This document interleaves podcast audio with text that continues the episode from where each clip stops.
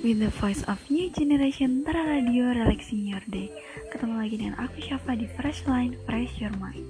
Di sini aku bakal sedikit bahas tentang aplikasi yang lagi viral sama menjadi seorang content creator. Gila ya, dua ini tuh bener-bener berhubungan dan sekarang tuh gampang banget buat jadi seorang content creator. Dulu mah harus banyak banget effortnya, harus ada uh, bayar-bayar apalah itu. Sekarang enggak kalian cuma tinggal ngomong di depan kamera dengan penampilan yang bagus dengan penyampaian yang bagus kalian bisa menjadi seorang content creator. Kalian bisa share pengalaman review barang atau kan juga bisa merekomendasikan tempat-tempat hangout yang seru yang bisa dikunjungi nanti setelah pandemi.